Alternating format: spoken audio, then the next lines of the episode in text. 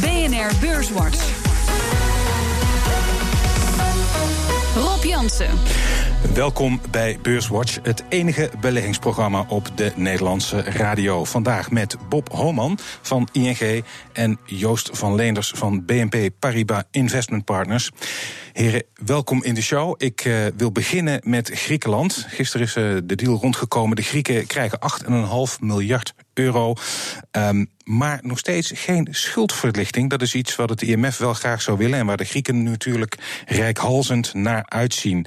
Um, Joost, de Grieken krijgen maar geen uh, schuldverlichting. Is het wel goed om dat zo lang uit te stellen? Nou, ja, in principe niet. Vooral omdat je natuurlijk wel weet dat het nodig is. Ja. Maar dat is meer een, een, politiek dan een economisch verhaal. En um, zolang je schulden doorrolt en verlengt. En wat natuurlijk ook de, de, de, de termijn waarop schulden moeten worden afgelost zijn enorm verlengd. Ja. Kun je het natuurlijk op papier allemaal in stand houden. Um, maar ja, dat, dat, dat hangt erboven. En dat zal er heus wel een keer komen, denk ik. Want dat, het is, ja, als je kijkt naar de omvang van die schuld, dat is niet, dat is niet terug te betalen. Nee. Dus je moet, of je moet, die, je moet die, die rente heel lang kunstmatig laag houden. Dus het, het, het werkt, ik, ik denk dat het enigszins verstikkend kan werken, ook op zo'n economie. Ja. Dus in die zin zou het beter zijn om het, goed, om, het, om het snel te doen. Maar dat is niet een economisch argument die hier spelen, maar, maar politiek. Ja, Bob, uh, uh, politieke argumenten die in feite, ja, zou je toch wel kunnen zeggen, de Griekse bevolking. We, we hebben regelmatig uh, onze correspondent Nikos Lanser uit Athene aan de, aan de lijn. En soms zie je in statistieken wel dat het wat beter gaat met de Griekse economie, maar dat komt vanaf de bodem. En de Griekse bevolking enorm. Dit, dit zou toch eigenlijk niet afhankelijk mogen zijn van partijpolitieke uh, uh, beslissingen? Nou, dat vind ik eigenlijk niet helemaal. Want uh, je hebt aan de ene kant de Griekse bevolking, maar aan de andere kant de Nederlandse en de Duitse bevolking. Laat ik die al maar even samen nemen. Die het natuurlijk helemaal niet zo leuk vinden als uh, weer geld richting Griekenland uh, verdwijnt. En dat is natuurlijk wat er gebeurt. En het gaat ook echt wel gebeuren. Hè. Na de Duitse verkiezingen, als Merkel herkozen wordt, niet verder na zal die schuldenverlichting echt wel komen. En dan komt het misschien in eerste instantie op een wat sympathieke manier. Hè, van, weet je, we gaan die schuld met 50 jaar verlengen tegen 0 procent eigenlijk is dat hetzelfde als afschrijven. Ja. En dan hebben denk ik zowel Noord als Zuid daar prima vrede mee.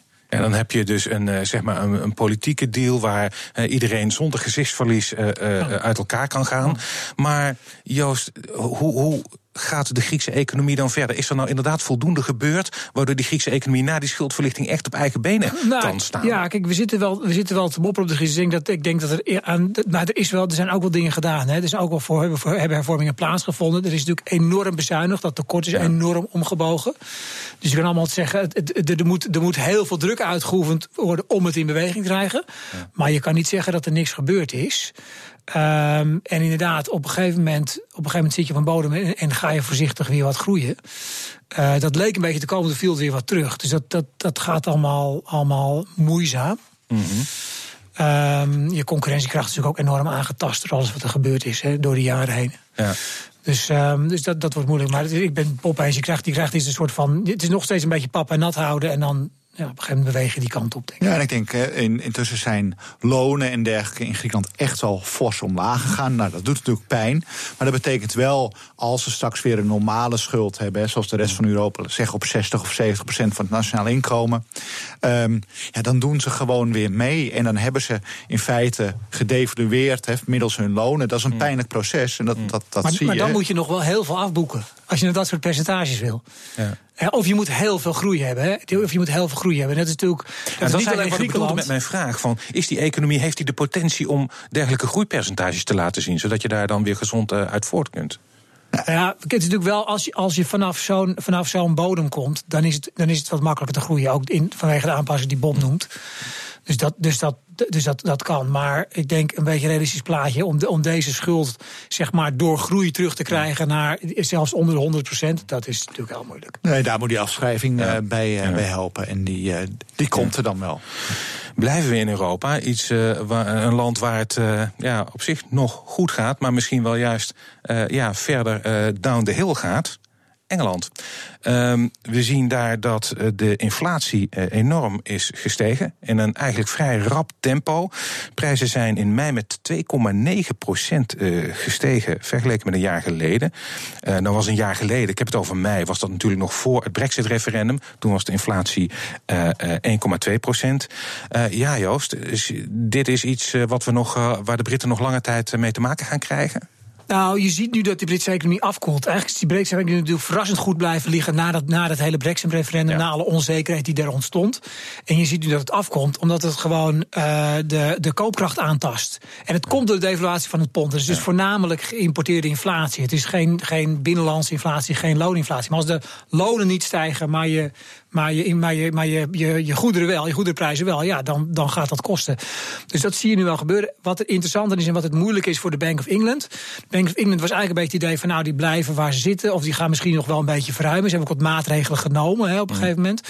Um, die zitten nu in een soort van spagaat, want die inflatie loopt op. Dus je had nu een beslissing deze week waar uh, uh, drie van de acht uh, leden van het comité stemden voor een renteverhoging. Ja.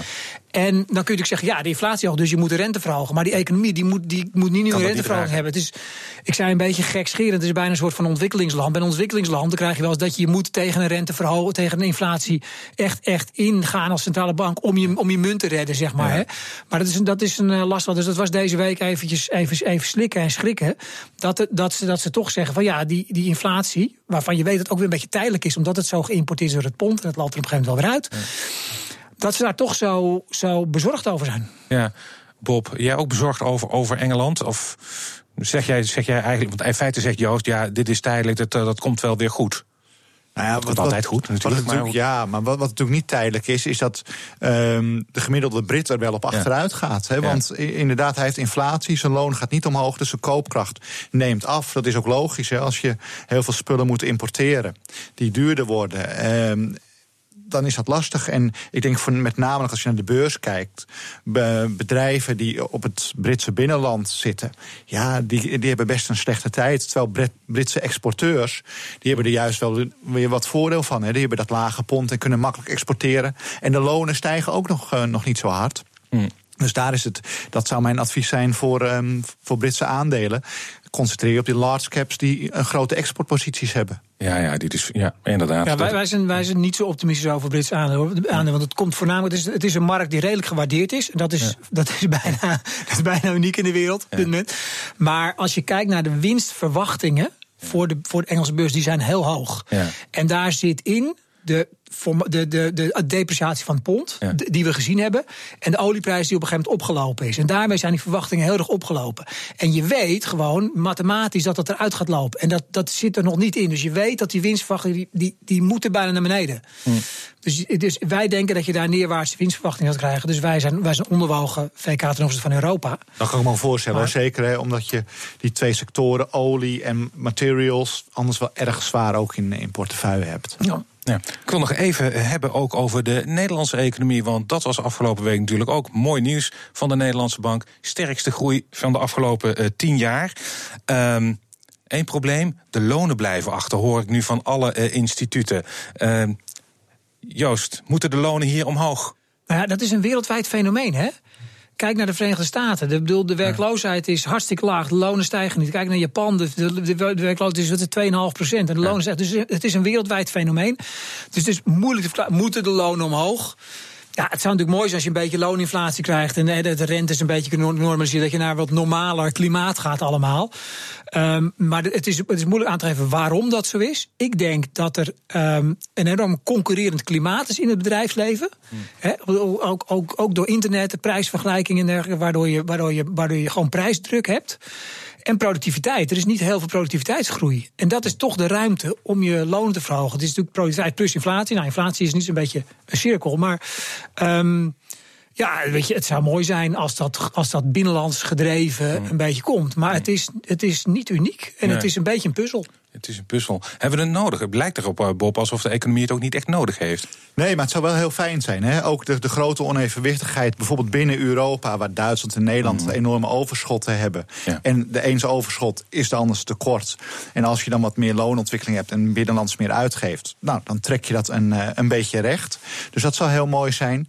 Uh, voor beleggers is het misschien minder gunstig. Hè? Ehm, want uh, het gaat ten koste van je winstmarge waarschijnlijk. Maar ik denk dat het voor de wereldeconomie op dit moment gewoon goed zou zijn als die loon omhoog gaat. En ik denk dat je ook niet moet vergeten, op lange termijn, er wordt altijd gezegd, je bent niet meer concurrerend als je de lonen omhoog gaan. Daar ben ik het ook niet helemaal mee eens.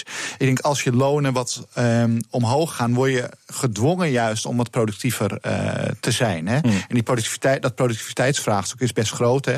Al jarenlang is die productiviteitsgroei nauwelijks een procent. Nou ja, wellicht als je die lonen wat omhoog gooit, dat er juist weer uh, wat dingen bedacht worden om wat efficiënter te werken.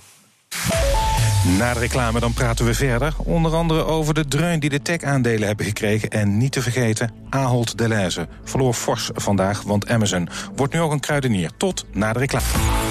BNR Nieuwsradio. BNR Beurswatch. We gaan het hebben over de techsector die flinke klappen opliep, vooral uh, begin deze week. En Ahold Deleuze ging vandaag heel hard onderuit. Dat doe ik met Bob Homan van ING en Joost van Leenders van BNP Paribas Investment Partners. Maar voordat we dat gaan doen, nog even een korte stand van zaken van de afgelopen week.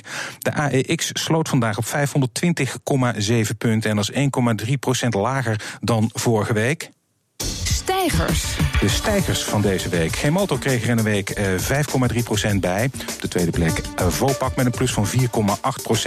En Wolters Kluwer steeg 2%. En het best presterende midcap aandeel, dat was Twentse Kabel TKH Group met een plus van 5,3%. Dalers. Dalers. Ja, de grootste daler zal niet verbazen. Ahold Delhaize verloor in een week 13%.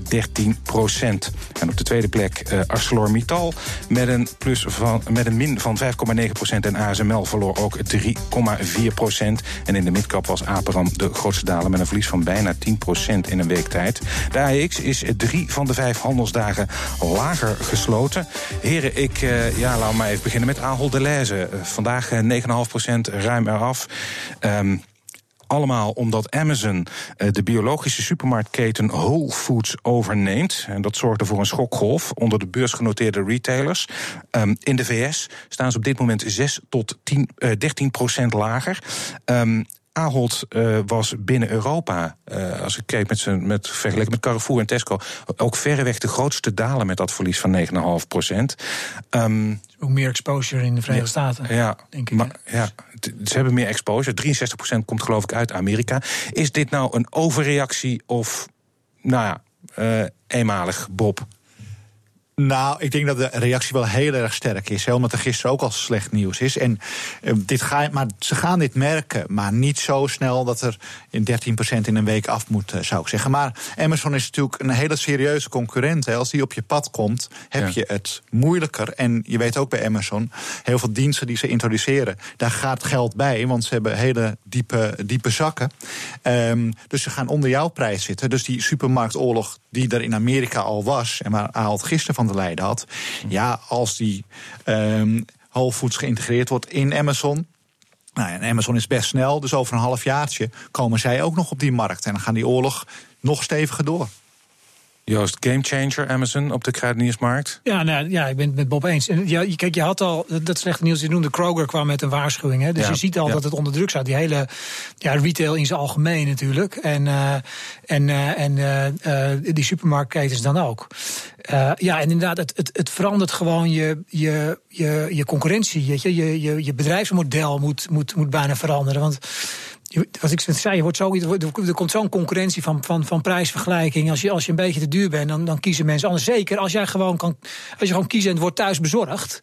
Hm. Ja, dan, dan, ja, of, je moet, of je moet een stuk betere kwaliteit hebben ja. van je spullen. Maar um, um, die, die keten die ze overnemen, die staat wat dat betreft ook goed bekend. Hè? Ja. Het, is niet, uh, het is niet zomaar wat, wat ze, waar, ze, waar ze hun ogen hebben laten vallen natuurlijk. Nee. Plus, uh, Bob, uh, Amazon is een bedrijf, hè, als het gaat om thuisbezorgen. Natuurlijk, dit is, de e-business is hun core business. Dat is wel uh, linker soep, denk ik. De, althans, Ahold moet iets doen. En, en de Krogers van deze wereld, die moeten een tegenactie gaan ondernemen, of niet? Ja, dat zou je zeggen. Uh, ze, of ze moeten doorgaan met de strategie die ze mm. al, uh, al hebben. Ze hebben natuurlijk zelf ook um, die, die thuisbezorgdienstverlening. Mm-hmm. Maar uh, Amazon biedt hele pakketten aan. Volgens mij in Londen, en Joost weet dat beter, want die ja. zitten vaker. Maar volgens mij een tientje in, uh, in de maand of tien pond dan. Ja. Krijg je en televisie en muziek. Ja. Um, eh, en internet en je boodschappen worden gratis thuis bezorgd voor het tientje. Kost natuurlijk goud geld, maar dat kan dat bedrijf doen, want het businessmodel is daar niet om zoveel mogelijk te verdienen, maar om zoveel mogelijk op te slokken. Ja, dat is het uh, Amazon Prime uh, abonnement uh, inderdaad. we zullen zien wat er gaat gebeuren de komende periode. Maar als je nou kijkt, je ziet nu deze reactie. Oké, okay, misschien een overreactie. Maar als je deze ontwikkeling ziet, hoe kan je daar dan als belegger het beste op inspelen? Nou, ik denk, wat ik denk is toch altijd die spreiding. Hè. Um, heel veel mensen dachten, Amazon is veel riskanter dan een Ahold. Dus mm. Ahold is de stabiele waarde in mijn portefeuille. Nou ja, nu blijkt het eigenlijk andersom. Hè. Uh, maar er komt natuurlijk ook wel eens een, weer eens een periode dat het precies weer uh, anders is. Dus ik zou zeggen, zorg ervoor dat je ook echt die nieuwe ontwikkelingen, hè, die, die grote aandelen, Facebook, Google, Amazon, eh, die alles opslokken, dat die echt een plek in je portefeuille hebben. Naast de wat traditionelere aandelen. Hmm. De, de, zeg maar, de monopolisten in opkomst moet je hebben, Joost? Ben je het er wel mee eens? Ja, kijk, ja, vanuit economisch oogpunt wil je geen monopolist hebben, maar als belegger natuurlijk wel. Dat zijn degenen die op een gegeven moment uh, uh, uh, pricing power kunnen krijgen. Ja. Uh, dus, dus, dat, is wel iets, uh, dat is wel iets waar wij ook wel, ook wel kijken in, ons, in onze aandelenfondsen, Europese aandelenfondsen. Naar van die, van die concentratieindexen ook naar sectoren. Waar je kijkt van ja, waar zit soms meer concentratie, waar zitten, waar zitten de sterke spelers. Ja. Maar goed, je, je, je moet ook oog hebben voor trends. Want dit, dit komt natuurlijk het, het, komt een beetje, het, het, komt opeens je sector binnen. Weet je, dus precies wat Bob zegt, je dacht, je zit in een mooie defensieve sector, gaat allemaal rustig aan. En opeens komt er iemand in die breekt de hele sector open. Ja. En dat is natuurlijk, uh, dat is wel deze tijd, ja. dat dat kan gebeuren. Wat ik wel een opmerkelijk statistiekje ook nog vond. Hè. in de jaren 80 was het de 100 grootste bedrijven ter wereld, waren goed voor 50% van alle winsten in de wereld. Nu zijn de grootste 100 bedrijven in de wereld bijna goed voor 90% van alle winsten. Dus uh, grote bedrijven worden worden steeds machtiger. Zo als je kijkt naar de smartphone-markt, en niet zozeer qua verkopen, maar als je kijkt naar marges, dan haalt Apple haalt daar zoveel meer binnen dan anderen. Ja, ja, ja, dus we gaan eigenlijk we groeien naar een economie waarin eigenlijk steeds meer monopolisten of de markt meer monopolistische trekken uh, krijgt. Daar zitten veel van die tech-aandelen in waar we het over hebben. Want ook Facebook op social media kopen alle ontwikkelingen in feite op. Toch zagen we begin deze week, eigenlijk begon dat al vrijdag, vorige week vrijdag, gingen juist die aandelen, Facebook, Alphabet, de moedermaatschappij van Google, gingen allemaal onderuit. Ja. Uh, hoe beoordeel jij dat, Bob? Nou ja, ik kan me wel voorstellen, want die koersen zijn dit jaar alleen al gemiddeld 30, 35 procent omhoog gegaan. Dus op een gegeven moment krijgen beleggers hoogtevrees. En ik durf ook niet te zeggen, moet je nou 25 keer, 30 keer of 35 keer de winst betalen voor een bedrijf dat 30 procent per jaar groeit. Maar ik weet wel, ze blijven wel de komende jaren die 30 procent per jaar groeien. En de precieze waardering is dan erg moeilijk vast te stellen. Nou ja, dan krijg je op een gegeven moment hoogtevrees. Maar ik ben eigenlijk niet zo heel bevreesd voor de iets langere termijn, want heel veel beleggers zijn denk ik ook wel angstig geweest voor dit soort aandelen. Die zien nu wat er gebeurt, bijvoorbeeld met zo'n Amazon Aalt verhaal. En die zullen toch ook denken van oké, als het wat zakt, dan is het weer een mooie kans om ze toch een keer te kopen. Want ze slokken alle winsten op, ze slokken het goede personeel op. uh, Noem het op. Ja. Goed, ze zijn dus uh, heel duur. En uh, ik heb, denk, ze zijn aandelen in het algemeen duur. Ja, dus ik ga voor de uitzending eens even kijken naar wat jullie onder andere, uh, analisten, vaak uh, als maatstaf nemen. Die zogenaamde Schiller PE, door de Nobelprijswinnaar uh, econoom Schiller ontwikkelde index om te bepalen, simpel gezegd, of de aandelen in de SP 500 te duur zijn, ja of nee. En wat zag ik? Die staat op de op twee na hoogste stand. En hij stond uh, hoger. Voor tech of in zijn algemeenheid? Nee, in zijn algemeenheid. Ja, ja. En ja. Uh, dat hij staat. dit is vergelijkbaar met 1929 rode vlag 1. En voor de internetbubbel stond hij ook hoog. En hij staat nu weer uh, rond de 30. En dat is dus de op drie na hoogste stand. Ja. Moeten we ons zorgen maken? Staan we aan de vooravond van een crash? Dat klinkt heel dramatisch. En ik weet dat Schiller die index niet heeft bedoeld als een soort crash-indicator. Maar hij heeft hem gemaakt. En wat blijkt, precies voordat het misgaat met de markt, piekt ja. zijn index. Ja. Nou ja, wij zijn een tijd onderwogen aandelen geweest. En waardering was er één van. En winstverwachting was een ander van. Dat pakte niet goed uit. Dus want je ziet dat de markt, het momentum is gewoon omhoog. Hm. En um, je, je, je, bedoel, je, een correctie kan je zeggen, nou, dat vind ik prima om in de markt te zitten en dat wacht ik af. Een crash is wat anders. Maar voor een crash een crash gebeurt niet alleen op waarderingen. Dan, dan moet je echt ook een, dan, eigenlijk moet je dan echt een, een, een, een, echt een verandering in het winstbeeld hebben. Eigenlijk moet je een recessie hebben, Ja. denk ik. En dat, is, dat zit er ook niet echt in. Dus, is, dus aandelen zijn duur, maar er komt ook bij alles is duur. Ja. Obligaties zijn duur, bedrijfsobligaties zijn duur, weet je. Dus, dus, dus dat, dat houdt elkaar ook wat dat betreft weer een beetje in evenwicht. Dus eigenlijk eh, het Tina-argument, there is no alternative, geldt nog steeds, Bob? dus wij zijn neutraal nu, mede vanwege die, vanwege die, die waardering en mede vanwege de winstverwachting waarvan we denken dat die, dat die aan de forse kant zijn. Maar ehm, ja, het, het, het momentum is gewoon met je. Ja. Ja, maar inderdaad, eh, er is inderdaad geen alternatief. En je moet bij die Schiller PI, ik denk dat het heel goed aangeeft. Hè, ehm, voor de lange termijn hoef je geen hele hoge rendementen op aandelen te verwachten. Dat kan denk ik ook niet als rentes zo laag zijn. Dat reflecteert ook wat er in de wereld gebeurt. Eh, maar ik ben niet zo bang voor die waardering, want. Je moet ook niet vergeten, er zitten ook het jaar 2008 en 2009 in, toen die winsten zo enorm laag waren. Eh, die lopen er over twee jaar uit. En dan zul je zien dat, ook als er niks gebeurt, dat die Schiller PI gewoon ook weer flink terugzakt. Hè, en eh, van die 30 ergens eh, midden 20 uitkomt. Oké, nou laten we hopen dat het eh, loos, alarm is. Jongens, eh, we zijn al bijna aan het einde van de uitzending. En eh, ik heb jullie gevraagd om na te denken over een tip voor de luisteraar. Mag alles zijn, mag een obligatie zijn, mag een bepaald aandeel zijn. Bob? Ja, dat zou voor mij dan eh, nu Tencent zijn. Dat is een eh, Chinees internetbedrijf. Eh, ze hebben de Chinese WhatsApp, WeChat, die ook veel meer doet dan alleen WhatsApp. Het is ook de Google en, en de Facebook van China. En ze doen ook nog best wel veel in computerspelletjes. En als je om je heen kijkt, ik weet of je kinderen hebt, maar dan zie je, daar wordt echt veel tijd aan besteed. En daar gaat veel geld in om. Dus, en dat is ook een bedrijf, ja, net als de vangaandelen waar we het net over hadden, die de prima meedoet aan de nieuwe ontwikkelingen. Joost? Nou, ik denk bij ons eigenlijk de belangrijkste, belangrijkste dat, is, dat is veel meer macro. Hè. Wat, wij, wat wij doen is, eh, wij zijn overwogen Europese aandelen op het opzichte van het Verenigd Koninkrijk. Dat heeft met de cyclus te maken, dat heeft met een beetje met, nou niet zozeer met de waarderingen te maken, maar wel met de winstverwachtingen te maken.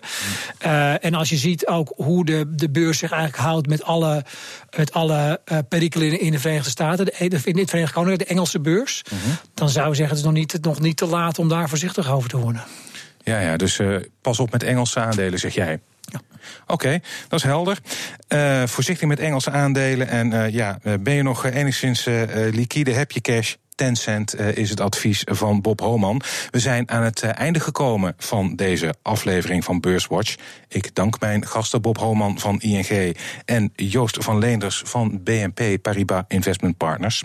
Volgende week is er weer een Beurswatch. Deze uitzending die kunt u naluisteren eh, op de website van BNR of via de BNR-app. En heeft u nog vragen, dan kunt u een tweet sturen naar Rob Jansenbeurs of @bnr. En dank voor het luisteren.